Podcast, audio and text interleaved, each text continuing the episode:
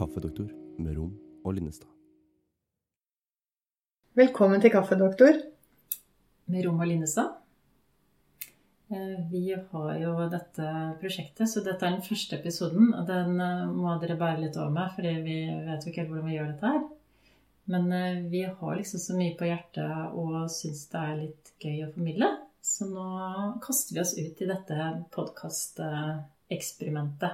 Det gjør vi, og da må vi vel først eh, presentere oss selv. Det må vi. Jeg heter Lina Linnestad og er fastlege i Vestby. Og militærlege på Nasjonal militærmedisinsk poliklinikk i Oslo. Sågar en major. Ja, hvem skulle tro det? hvem skulle tro det. Og jeg heter Kristin Lirom og er um, psykiater. Og eh, leder eh, regional kompetansetjeneste for tidlig intervensjon med psykose ved Oslo universitetssykehus, som er et fryktelig langt navn. Eh, og så underviser jeg medisinstudenter på universitetet som førsteamanuensis. Vi må kanskje si, Linn, at vi, vi er bare sånn Vi er fullt og helt ansvarlige for det vi sier i denne podkasten. Og vi skal ikke belemre arbeidsgiverne våre med det. Er vi løse kanoner på dekk? Ja, vi- kan tydeligvis være litt løskanoner, men uh, så vi, vi holder dette liksom innafor husets fire vegger. Vi, vi gjør ikke det nå, da. Nei, vi gjør ikke det nå, det er riktig. det. Men, Det kan bli eh, i hvert fall spennende. På, på egne slappe skuldre. Ja. Ja. Vi står for det vi sier. Vi står for det vi sier. Og så har vi jo kalt podkasten vår for Kaffedoktor. Um, og det er jo eh, for kanskje å insinuere at det er en litt sånn eh, Nå holdt jeg på å si slapp holdning, det var ikke det jeg mente. Men eh, Litt uformelt, kanskje. uformelt. For det er jo det samme som karsk. Det er det samme som karsk. Og vi, har- vi, vi drikker pulverkaffe, og vi har ikke noe sprit i den kaffen. For, um, for de som ikke er innvidd i det, så er jo eh, kaffedoktor en kjent medisin fra sånn Trøndelagstraktene. Den er vi ikke så glad i. Nei, vi er faktisk ikke sånn superglad i sprit. Men det, det, det var veldig fint, Anton. Ja, vi syns det passet godt for det. Ja. Og så tenker vi vel at dette skal være en um, podkast om helse, for det er jo det vi ofte diskuterer når vi er alene.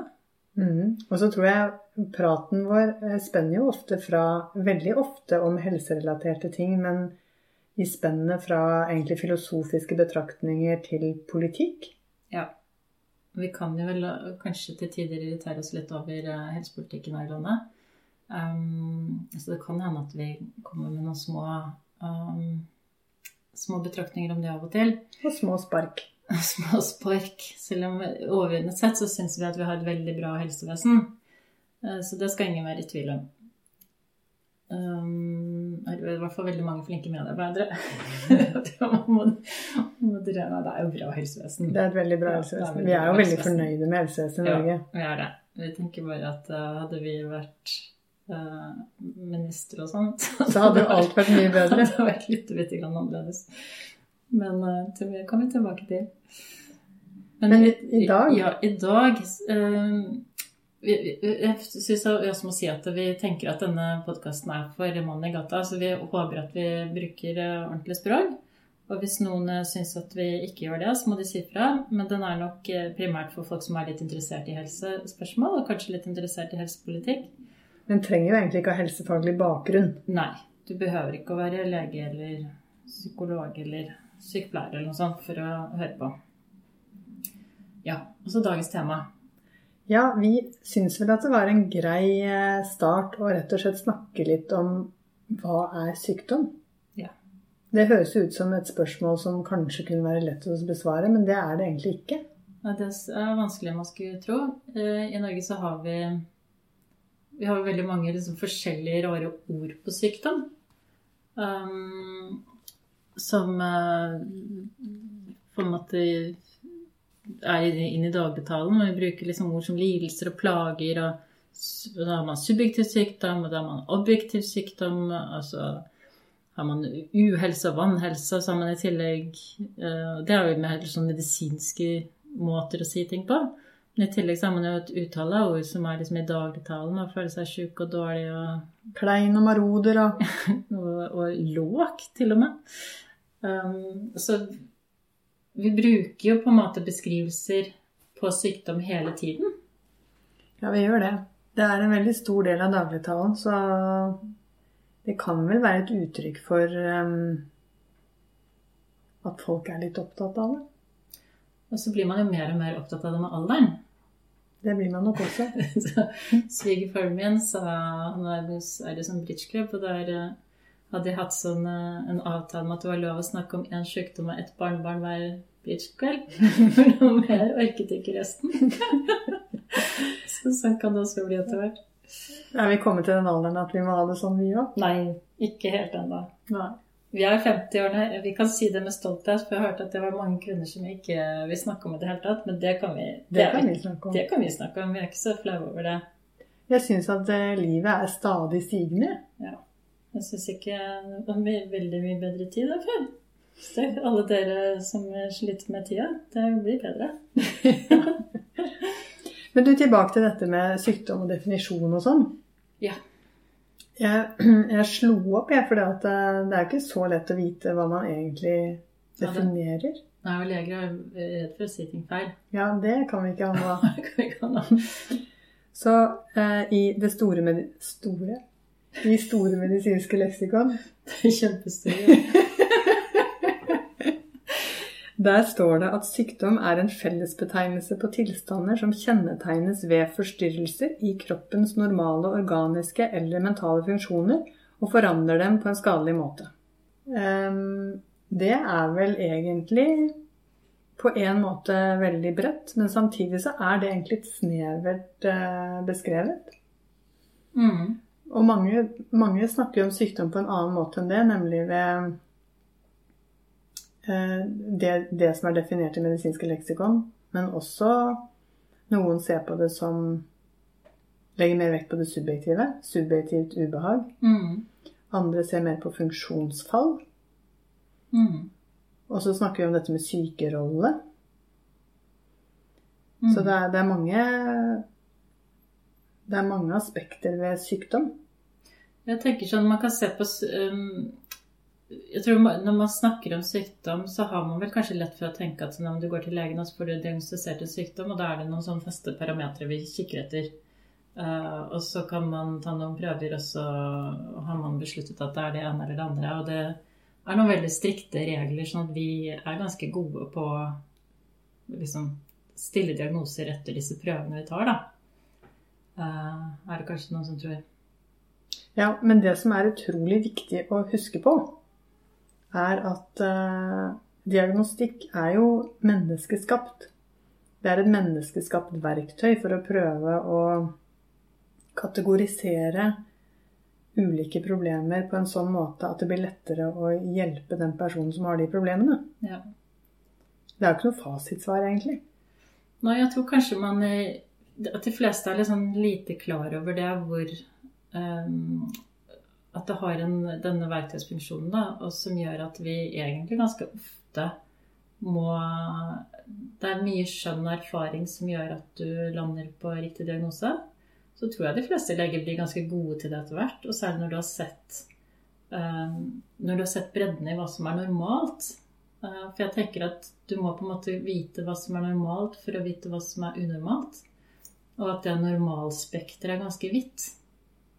Ja, det tror jeg er veldig viktig å ikke la gå i glemmeboka. Mm. Og så må man ikke være Man må ikke være så regelstyrt. For da tror jeg man veldig fort Jeg har hatt ganske mange grelle eksempler på det fra f.eks. spedbarnskontroller. Hvor jeg ser eh, nybakte foreldre blir helt skakkjørte av sånne strenge bokser barnet skal inn i. Kan du gi noen eksempler? Ja, det, eh, særlig førstegangsforeldre er jo veldig um, usikre ofte. Det er jo ikke noe rart. Man lurer jo da gjerne på alt. Og innimellom så syns jeg det kan virke som om de får litt for firkantede regler å forholde seg til. Mm. Som, uh, som, kan gi problemer både med amming og stell og alt mulig rart. Ja, det er viktig å det er viktig å tenke at det, at det er, ligger mye skjønn da, bak god diagnostisering. Kanskje vi skulle snakke litt om um, i fortsettelsen av det med sykdom. Da. Eh, for hva, hvis vi skal stille en diagnose som er en mer sånn spesifikk Når vi tenker på sykdom, så tenker vi jo ofte på uh, en diagnose. Um, og når man skal stille en diagnose for å Ja. finne ut Ja, og når man skal stille en diagnose, så er det veldig ofte at man har en del symptomer og funn eh, som skal oppfylles før man kan stille den diagnosen. Mm, og det er ehm, eh, Mange tror at det er en av- og på-knapp. at? Man har den eller man har ikke den diagnosen. Men i virkeligheten så er det jo veldig mye oftere at man må se det som et slags kontinuum. Og jeg tror egentlig i- ditt fag, i psykiatrien, så er det kanskje mer åpenbart. At det er mer glidende overganger. Men jeg syns det er ganske mange eksempler på det i somatikken også.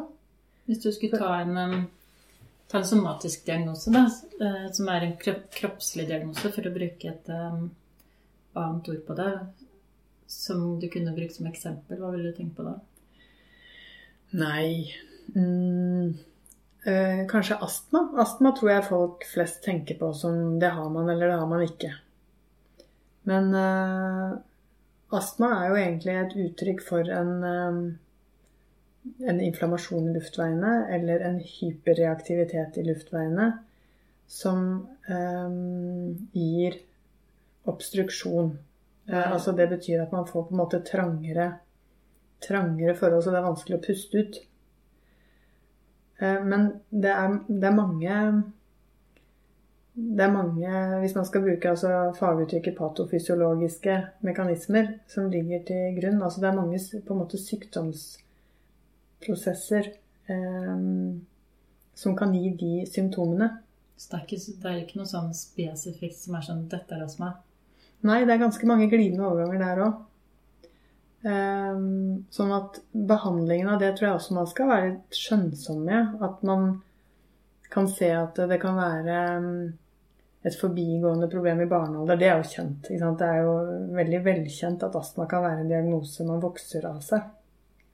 Men jeg tenker det er også noen som har hyperreaktive luftveier i kulde eller eh, i forbindelse med allergi eller um, ved anstrengelse. Eh, og det er for så vidt også helt velkjente mekanismer, men eh, da tenker jeg at da, det sier noe om hvor glidende overgangen er.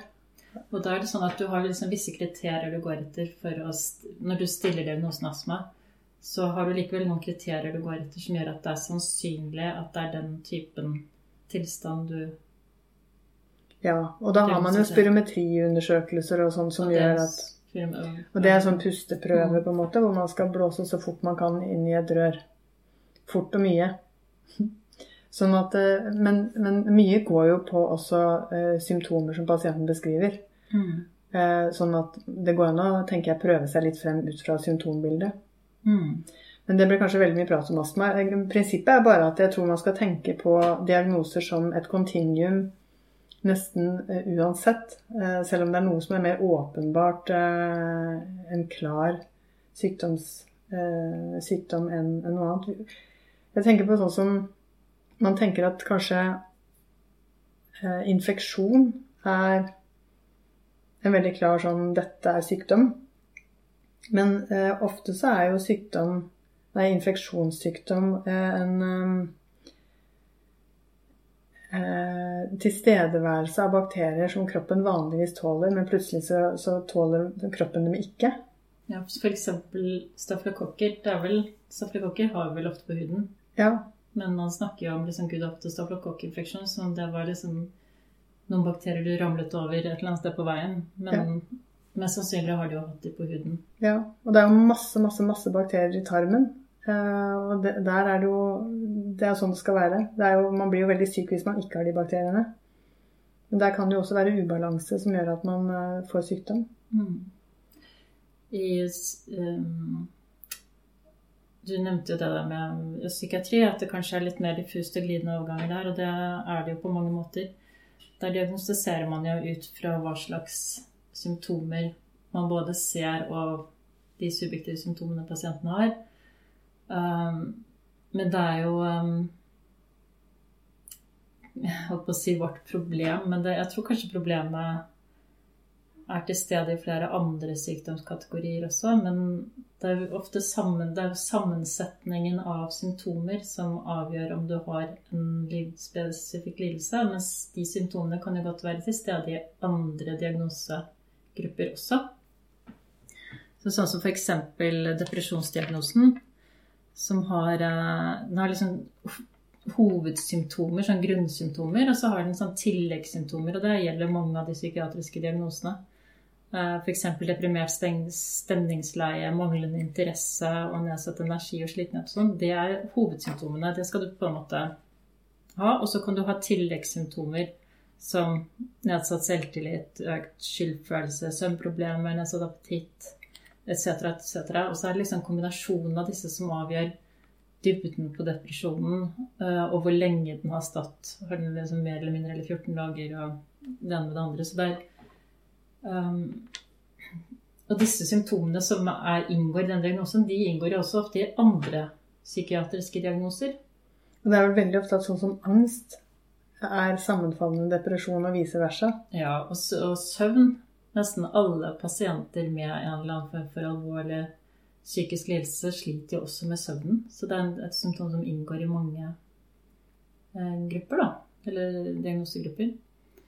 Eh, og det gjør det jo noen ganger problematisk, og gjør også at vi bruker ganske mye skjønn for å vurdere. Men hvor det også blir lettere når du har sett mange pasienter. Eh, når du har sett mange pasienter innenfor den gruppa, så begynner du å kjenne og kunne gjenkjenne på en måte de små tegnene som kanskje er litt sånn subtile, sånn vanskelig å få øye på at du, um, du, legger merke til dem, da. Noe som gjør det lettere for deg å stille diagnose. Og så er det vel også noe med å eh, Et kriterium hos én pasient kanskje kan tolkes annerledes enn hos en annen. For jeg tenker på sånn som f.eks. isolasjonstendens, som vel også er ganske fremtredende hvis man er deprimert. Mm. Eh, å vurdere hvordan en person som er ekstremt ekstrovert og er ute hele tiden, når den personen trekker seg unna, så har, betyr jo det noe helt annet enn når en person som egentlig liker best å være alene, trekker seg unna. Ja. Så det må jo være veldig stor variasjon også hvordan man vektlegger det. Absolutt. Og der tenker jeg også kjennskap Det har jo, har jo du på en måte mye erfaring med. Da. Det kjennskap til pasienter over tid gjør det jo veldig mye lettere å avdekke om dette er et avvik fra det normale.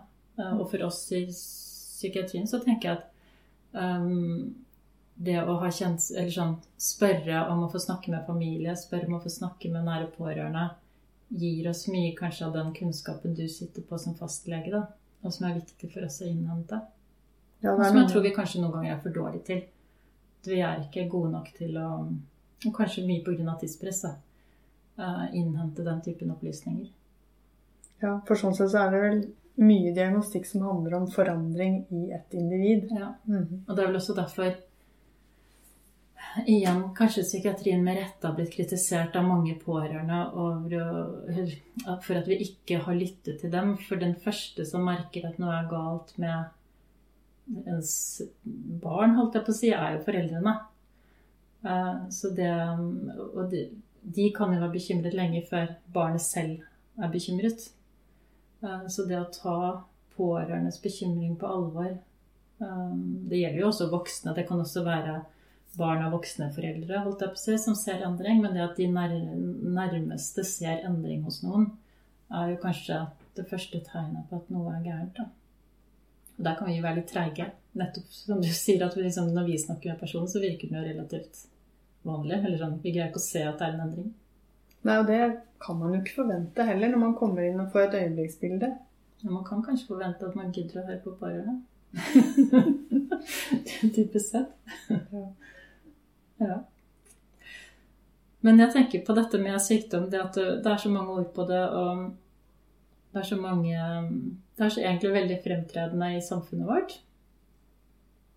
Hva tenker du det gjør med oss?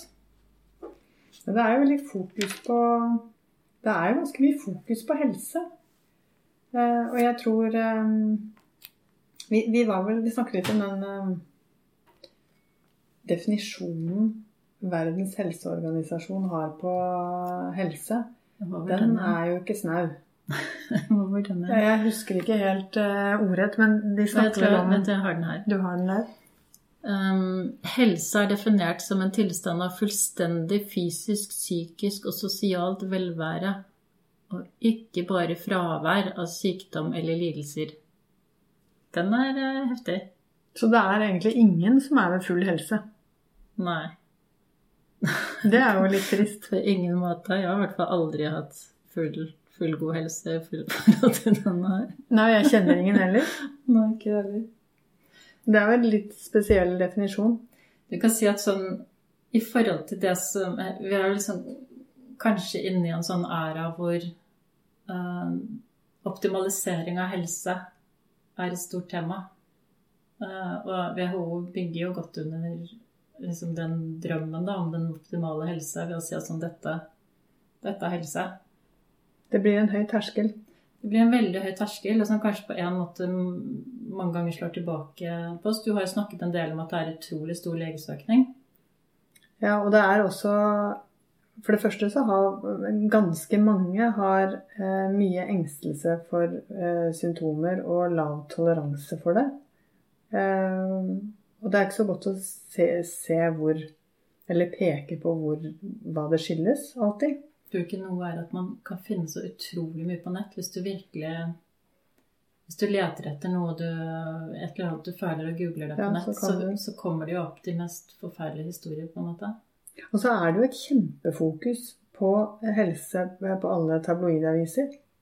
Hvis du legger merke til det, jeg har tenkt noen ganger når jeg står i køen på butikken, så ser jeg det er ikke én dag jeg har opplevd at det ikke står noe sånn skremselspropaganda på VG eller Dagbladet eller veldig mye av det handler om at du bør løpe til legen, fastlegen. Ja. Mm -hmm. ja, faktisk det. Dette, sånn kan du unngå, og så er det dette er varseltegnene, dette må du være oppmerksom på. Og så mange dør av dette hvert år. og Mm. Forferdelig mye skremselspropaganda. Og det tror jeg har endret seg. Jeg kan ikke huske at det var så mye for ti år siden. 20 år siden. Nei, ikke heller. Og så er det alle disse her måleinstrumentene. Jeg, jeg, jeg tror egentlig at optimalisering av egen helse har en helt åpenbar bakside. Fordi det er veldig fint at folk er opptatt av å spise sunt og være i fysisk aktivitet og alle de tingene vi vet at hjelper. Men når folk blir veldig opptatt av det, så har de Jeg har ikke talt mange pasienter jeg har hatt som har kommet og vært engstelige for at de har hatt så og så rask puls eller så og så høyt blodtrykk eller sånn pga. duppeditter de har hjemme. Har du noen gang opplevd å, at de har kommet etter liksom, med alle duppedittene sine og faktisk avslørt en sykdom? Nei, det tror jeg ikke jeg har opplevd. Nei. Jeg kan ikke komme på det, i hvert fall. Det er interessant. Ja, Men de er Ja. veldig redde. Ja. Og det skjønner jeg jo. ja, ja, absolutt. Jeg blir også veldig ofte redd, og da ringer jeg til deg. jo innrømme at jeg har hatt litt hypokondertendenser opp gjennom årene. Men det har faktisk bedret seg utrolig. Det blir også bedre når du bikker 50. Så bra. Det er fint å bikke 50. Ja. Det jeg syns er liksom bra med en fastlege, er at du har ganske god forstand på hva som er liksom en normalvariasjon. Og det hjelper jo meg. Og det tror jeg hjelper mange som kommer til fastlegen. Det er kanskje derfor de renner ned dørene hos dere. Jeg håper jo det, men samtidig jeg går jo med en sånn liten frykt i magen om at uh, jeg Det er jo helt klart en fallgruve når man er fastlege at man Ja, det er sikkert normalt, og ja, det er sikkert normalt, og at man trekker på skulderen, og så Jeg er jo helt inn redd for å gå i den fella at der overså jeg noe kjempeviktig nå. Og det, jeg skjønner deg kjempegodt. På den annen side så tenker jeg Så lenge vi behandles av mennesker, så kan det jo alltid begås feil, holdt jeg på å si. Men um, jeg tror de fleste leger, inklusive deg, uh, nettopp fordi man har den redselen, uh, gjør en god jobb og gjør så godt man kan. Så er det vel ikke så mye mer man kan gjøre, holdt jeg på å si. Og stort sett så går det bra. Det har jo heldigvis gått bra så langt. Ja, nå banker vi veldig i bordet for Line. Men ja. Men hvis vi, har snakket litt om sykdom i dag, så jeg ser tiden er ved å løpe ut. I forhold til hva vi planla. Skal vi si at dette er liksom en introduksjon, da? det må vi si. Og så hvis eh, folk vil komme med innspill eller kommentarer eller Ting de ønsker seg at vi skal snakke om. Eller gjester vi kan ha. Bare ikke, ikke sånn veldig Ikke Krebs-syklus og sånn. Ikke, ikke de Biokjemiske tingene som vi lærte om på studiet. For det er veldig veldig mange år siden, og det husker verken Line eller Vi kan jo si at vi gikk sammen på medisin, da. Ja, det gjorde vi. Så dette er liksom en fortsettelse av det prosjektet. Ja. Men da takker vi for oss for denne gang. Takk for oss, ja. Og så eh, kommer vi tilbake. Det gjør vi. Ha det. Ha det. Å, nå har jeg sletta det igjen. Nå ble den fin. Syns du ikke det? Jo, jeg tror det. Skal vi høre på? Hvor langt var det? Stopp.